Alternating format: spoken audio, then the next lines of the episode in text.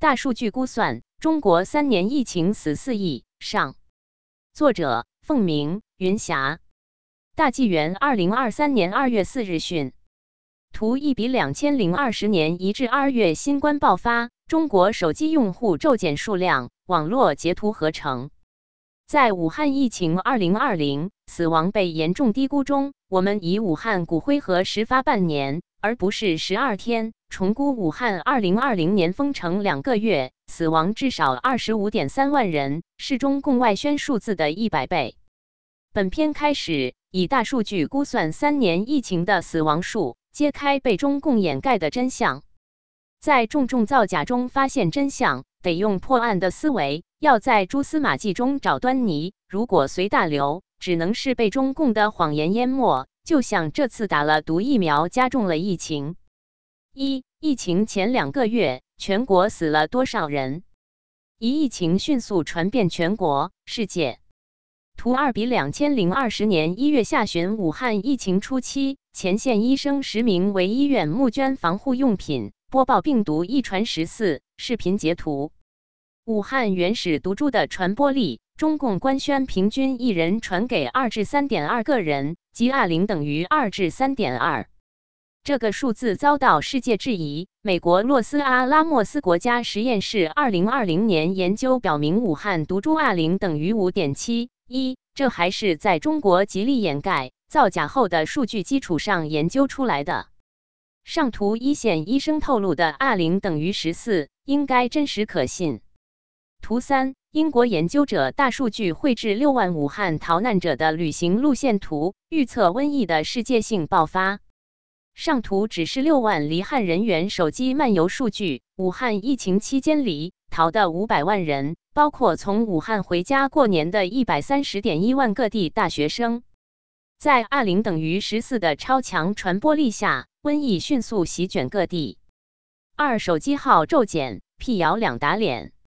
二零二零年三月二十二日，中国手机用户暴减一千四百多万人，去哪了？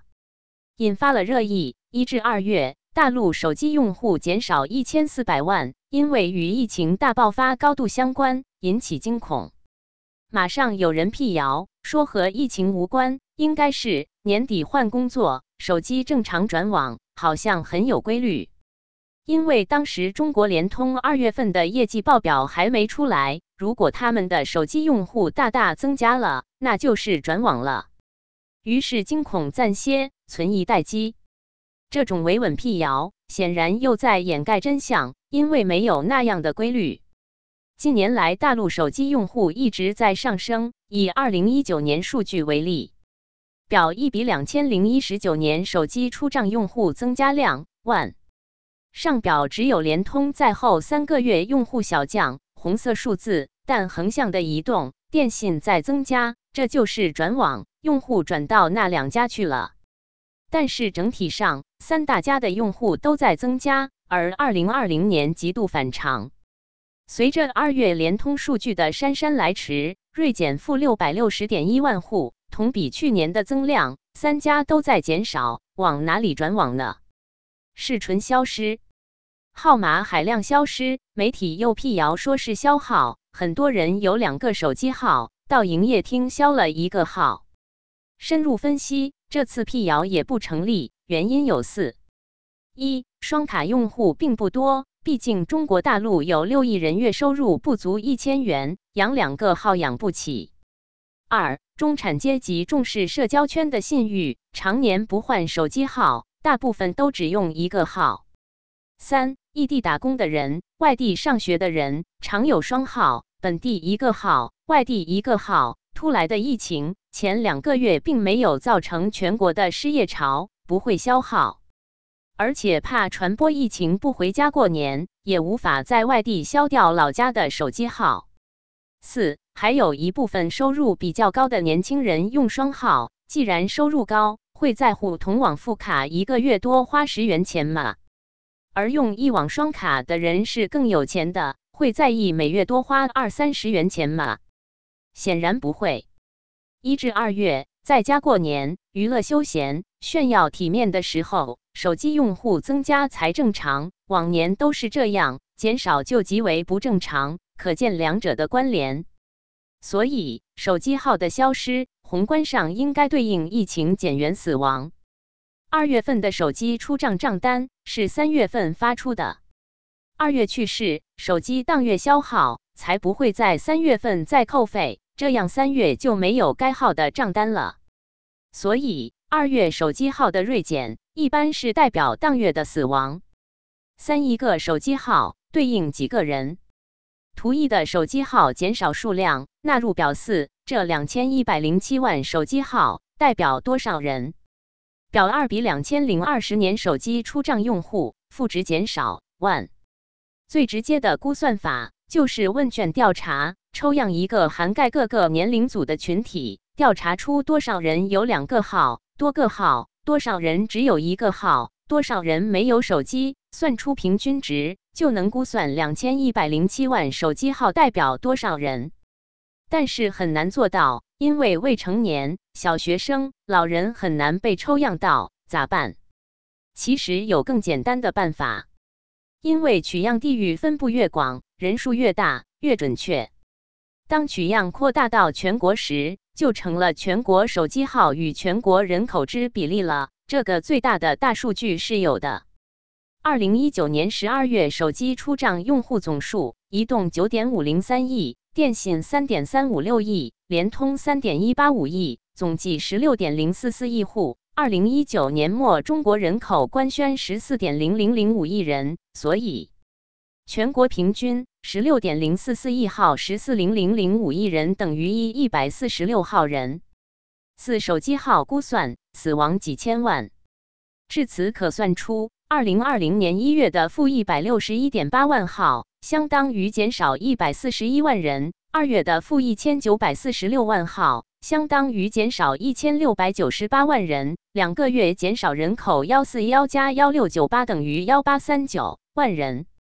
表三比两千零二十年全国手机号与人口变化负值减少万，同比二零一九年一二月。同比历年都可以看出，手机号增加是趋势，而二零二零年在增加趋势上，手机号锐减，所以实际减员更多。如果减去二零二零年原本应该增加的数量的话，以二零一九年计，一二月死亡就约九百六十五点二万，两千二百二十二点七万。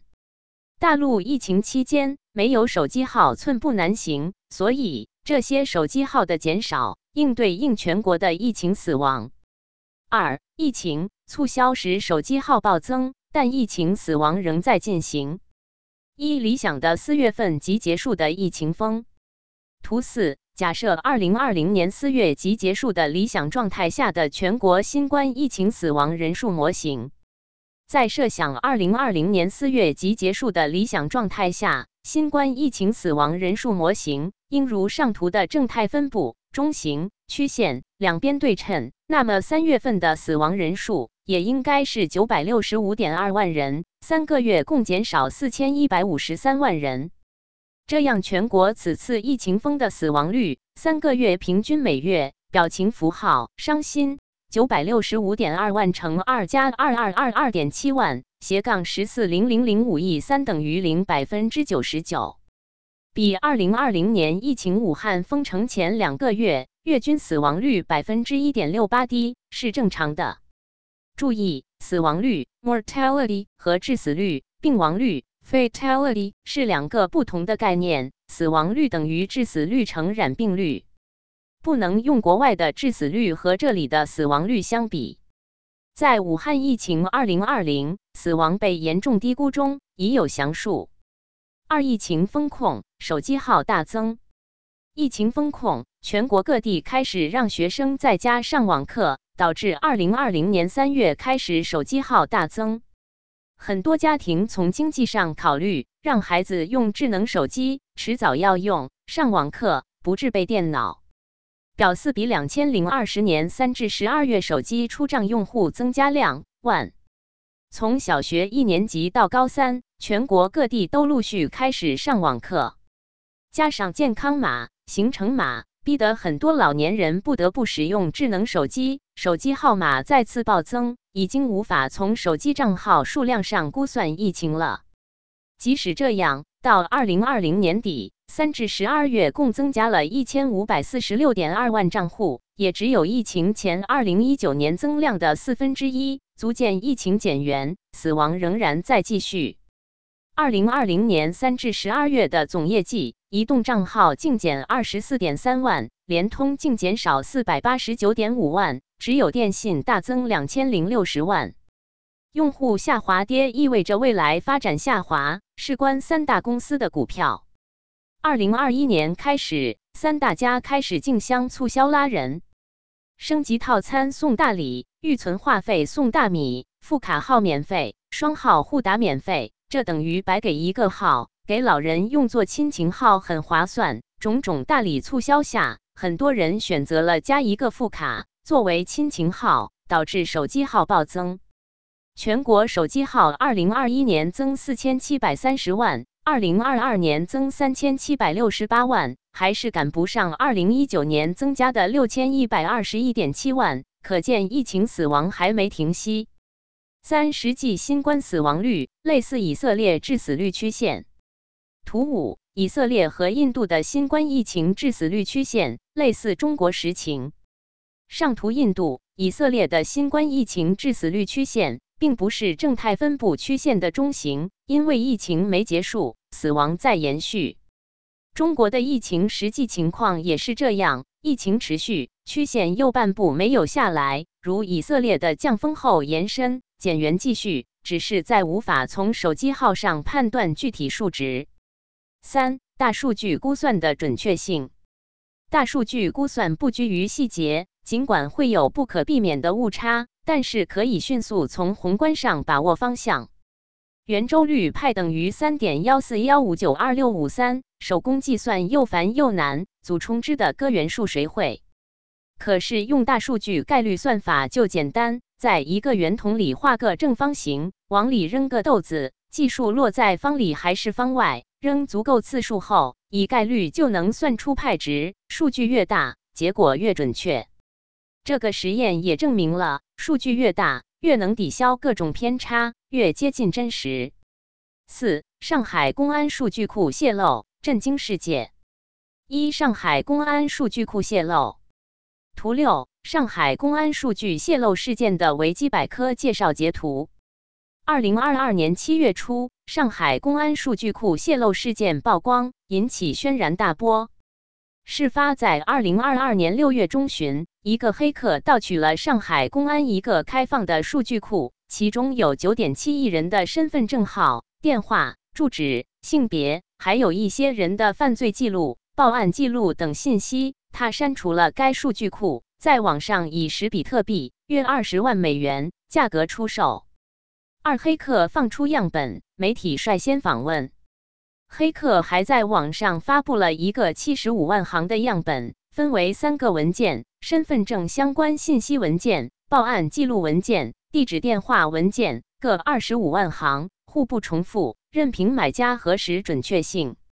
这三个文件大小之和只有五六零 M，放大九点七亿二五万等于三八八零倍后，只有二点零七 TB，不到黑客盗取数据二十三点八八 TB 的百分之九。可见他只是从中筛选了部分数据，构建了这三个文件样本。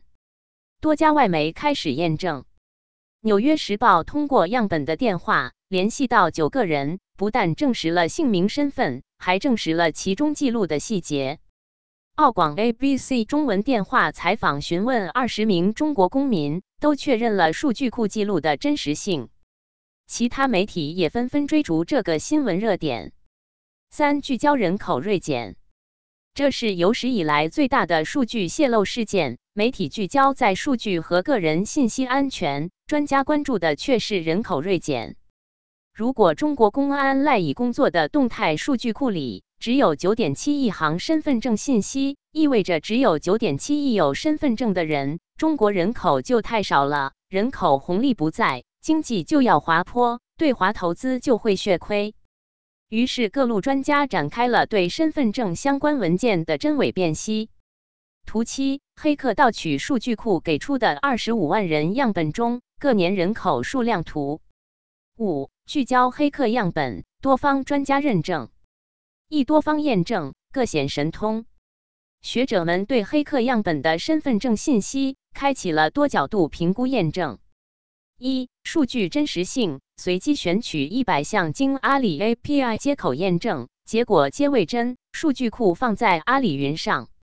二、按姓氏分类，王李张最多，分别占百分之七点三二、百分之六点六九、百分之六点五六，与公安部二零二零年全国姓名报告中所列数据一致。三、这个样本备受美国人口学家易富贤的关注。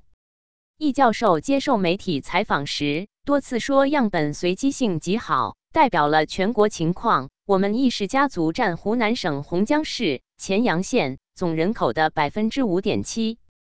这次上海公安泄露数据，二十五万样本中有我们市一百零九人，其中一十六人，占百分之五点五。无论是我们市占全国比例，还是我们家族占全市比例，都是可信的。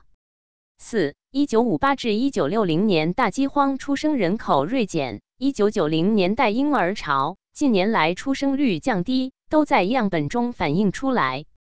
笔者在制图中还发现，五逝者占位，中国特色。看上图，一百零一至一百二十二岁老人持续增加，岁数越大，人越多，明显是逝者身份证在捣乱。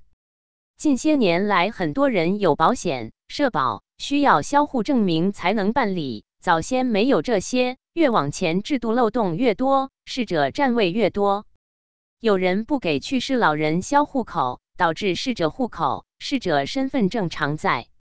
原因有：继续替老人领退休金或凭户口领补贴，近几年才开始刷脸认证，堵住缺口。到派出所销户没有任何好处，以前有人到单位领完丧葬费。就不销户了，销户没有时间限制，心情不好拖来拖去，看到不销户也没人管，干脆就放着。逝者占位，户籍警也头疼，以前也发文通知要清理，但是处理的比例很小，百姓不配合，公安公信力太低。六十六岁以下的比例符合国情，中国大陆十六岁以上必须办身份证，十六岁以下不要求办。一岁以下不建议办，不建议出国，一般不给办。样本中一岁以下身份证为零，一至十五岁身份证比例少。有些人给小孩办身份证，为买火车票方便，出国方便。七，去掉样本中的十六岁以下身份证数量，去掉一百零一岁以上老人的身份证数量，以十六至一百岁年龄段比例和当年中国人口比例对比。见下图，两者比例升降趋势非常相近。图八，样本十六至一百岁年龄段人口比例与二零二二年中国人口年龄段比例极为近似。作者制图，经过上述七方面和之前媒体的验证，可见这个二十五万数据库样本为真，在九点七亿行公民身份信息中取样随机性很强，很有代表性。这个二十五万身份证信息的样本，只能是计算机随机抽取数据生成的，任何人为干预都会干扰数据比例的真实性，会被识破，被质疑为假，那样数据库就卖不动了。因此，也能印证黑客盗走的九点七亿行身份信息的大数据是真实的。二逝者占位，表明人口早已减少。根据大陆统计，二零二零年十月，中国大陆百岁老人四万零五百九十二人。二零二零年人口已官宣的十四点一二亿计，百岁老人占百分之零点零零二八七，以此为基础计算。黑客样本中，一百至一百二十二岁老人一万零九百五十九人，占比百分之四点三八四。推算九点七亿数据库中，逝者占位人数至少九点七亿乘。百分之四点三八四至百分之零点零零二八七等于四二百五十万人，是二零二零年百岁老人的一千零四十七倍。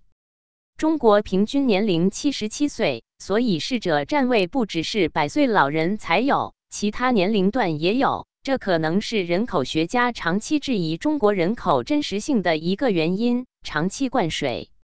三挖掘信息，丢人三亿。这样，我们可以从九点七亿行身份证信息中挖掘真相了。一逝者占位已存在几十年了，中共给出的数据一直是包含它的灌水数据，所以有时计算还不能剔除它，只有计算最终真实人口时才能剔除。二去掉十六岁以下身份证信息，黑客样本中一至十五岁占百分之五点八二一。三二十五万人口样本，十六岁以上人口为二十五乘百分之一至五点八二一二，等于二十三点五百四十五万，含逝者占位。四据二零二二年人口统计，零至十五岁占总人口的百分之十七点九七，那么十六岁以上就占百分之八十二点零三，含逝者占位。所以根据二十五万人口样本推算，全年龄段人口为。二十三点五四五八二零三等于二十八点七十万，含逝者占位。